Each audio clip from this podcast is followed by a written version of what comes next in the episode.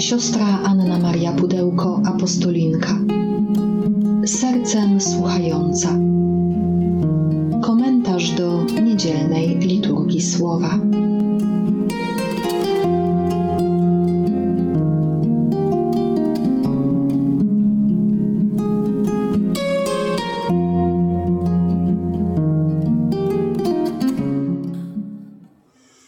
Z Ewangelii według świętego Mateusza. Faryzeusze odeszli i naradzali się, jakby pochwycić Jezusa w mowie. Posłali więc do niego swych uczniów razem ze zwolennikami Heroda, aby mu powiedzieli: Nauczycielu, wiemy, że jesteś prawdomówny i drogi Bożej wprawdzie nauczasz. Na nikim ci też nie zależy, bo nie oglądasz się na osobę ludzką. Powiedz nam więc, jak ci się zdaje – czy wolno płacić podatek Cezarowi, czy nie. Jezus przejrzał ich przewrotność i rzekł: Czemu wystawiacie mnie na próbę, obłudnicy? Pokażcie mi monetę podatkową. Przynieśli mu denara. On ich zapytał: Czyj jest ten obraz i napis? Odpowiedzieli: Cezara. Wówczas rzekł do nich: Oddajcie więc Cezarowi to, co należy do Cezara, a Bogu to, co należy do Boga. 29. niedziela w ciągu roku liturgicznego. Dziś widzimy Jezusa, który jest wystawiony na próbę i wystawione na próbę w sposób taki bardzo podstępny i aluzyjny. Uczniowie faryzeuszów razem ze zwolennikami Heroda przychodzą i zaczynają od życzliwej afirmacji.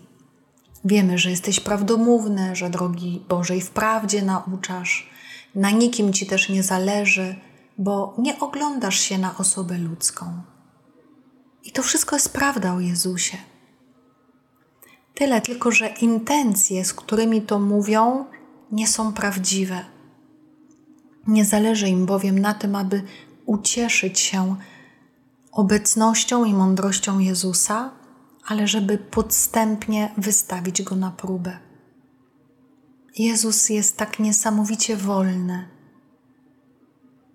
Ewangelista Mateusz mówi nam, że Jezus przejrzał ich przewrotność i rzekł: wobec aluzji, wobec manipulacji, podstępu, to, czego możemy uczyć się od Jezusa, to właśnie wydobywanie na powierzchnię, wydobywanie na światło. Jezus pyta wprost: Czemu wystawiacie mnie na próbę, obłudnicy? A potem Jezus odnosi się do faktów. Pokażcie mi monetę podatkową. Ta sytuacja była naprawdę bardzo trudna. Jakkolwiek Jezus by nie odpowiedział, uczyniłby sobie wrogów. Jeśli by odpowiedział, należy płacić podatek, wtedy no, przekreśla suwerenność narodu wybranego, jego dążenie do wolności. Izraelici byli wtedy okupowani przez e, Rzymian. Jeśli powie, żeby nie płacić, byłoby to wykorzystane aby sprzeciwić się Cezarowi, więc jako bunt wobec Cezara. Jakakolwiek odpowiedź nie była dobra. A Jezus wchodzi na zupełnie inny poziom. Czy jest obraz i napis na monecie podatkowej Cezara? Więc oddajcie, co należy do Cezara Cezarowi, a to, co należy do Boga, cześć, uwielbienie, posłuszeństwo, miłość, dobre czyny oddajcie Bogu. Kiedy żyjemy w prawdzie, kiedy wybieramy wolność, podobnie jak Jezus, nie ulegamy fałszywym komplementom, nie dajemy się wciągnąć w fałszywe rozgrywki i iluzje możemy chronić naszej prawości w wierności Bogu.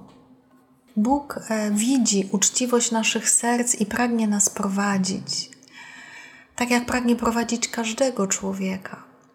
E, w pierwszym czytaniu z księgi proroka Izajasza zobaczymy, że Pan wybiera nawet pogańskiego króla, aby nim się posłużyć, po to, by wspomóc naród wybrany. Tak mówi Pan o swym pomazańcu Cyrusie. Ja mocno ująłem go za prawicę, aby ujarzmić przed nim narody i królom odpiąć broń od pasa, aby otworzyć przed nim podwoje, żeby się bramy nie zatrzasnęły. Przez wzgląd na mego sługę Jakuba, Izraela, mojego wybrańca, nadałem Ci Twój tytuł, bardzo zaszczytny, chociaż mnie nie znałeś. Ja jestem Pan i nie ma innego. Poza mną nie ma Boga. Przypaszę Ci broń, chociaż mnie nie znałeś, aby wiedziano od wschodu aż do zachodu słońca, że poza mną nie ma nic. Ja jestem Pan i nikt poza mną. Ze względu na miłość do narodu wybranego, Bóg wybiera nawet pogańskich władców, daje im chwałę, moc i zwycięstwo, aby mogli wspierać naród wybrany. I podobnie jak słyszeliśmy w Ewangelii, tak tutaj Bóg mówi ustami proroka Izajasza: Poza mną nie ma nic. Ja jestem Pan i nikt poza mną. Ludzka chwała niczego nam nie dodaje. Ludzka złośliwość tak naprawdę niczego nie może nam odebrać. Jeżeli żyjemy w wierności naszemu Bogu, jesteśmy chronieni przez Jego miłość. Dlatego dziś psalmista słowami Psalmu 96 zaprasza nas, abyśmy odważnie oddawali chwałę Bogu, abyśmy ogłaszali Go naszym Panem, abyśmy oddawali Mu cześć. Śpiewajcie Panu pieśń nową, śpiewaj Panu ziemio cała, głoście Jego chwałę wśród wszystkich narodów, rozgłaszajcie Jego cuda pośród wszystkich ludów.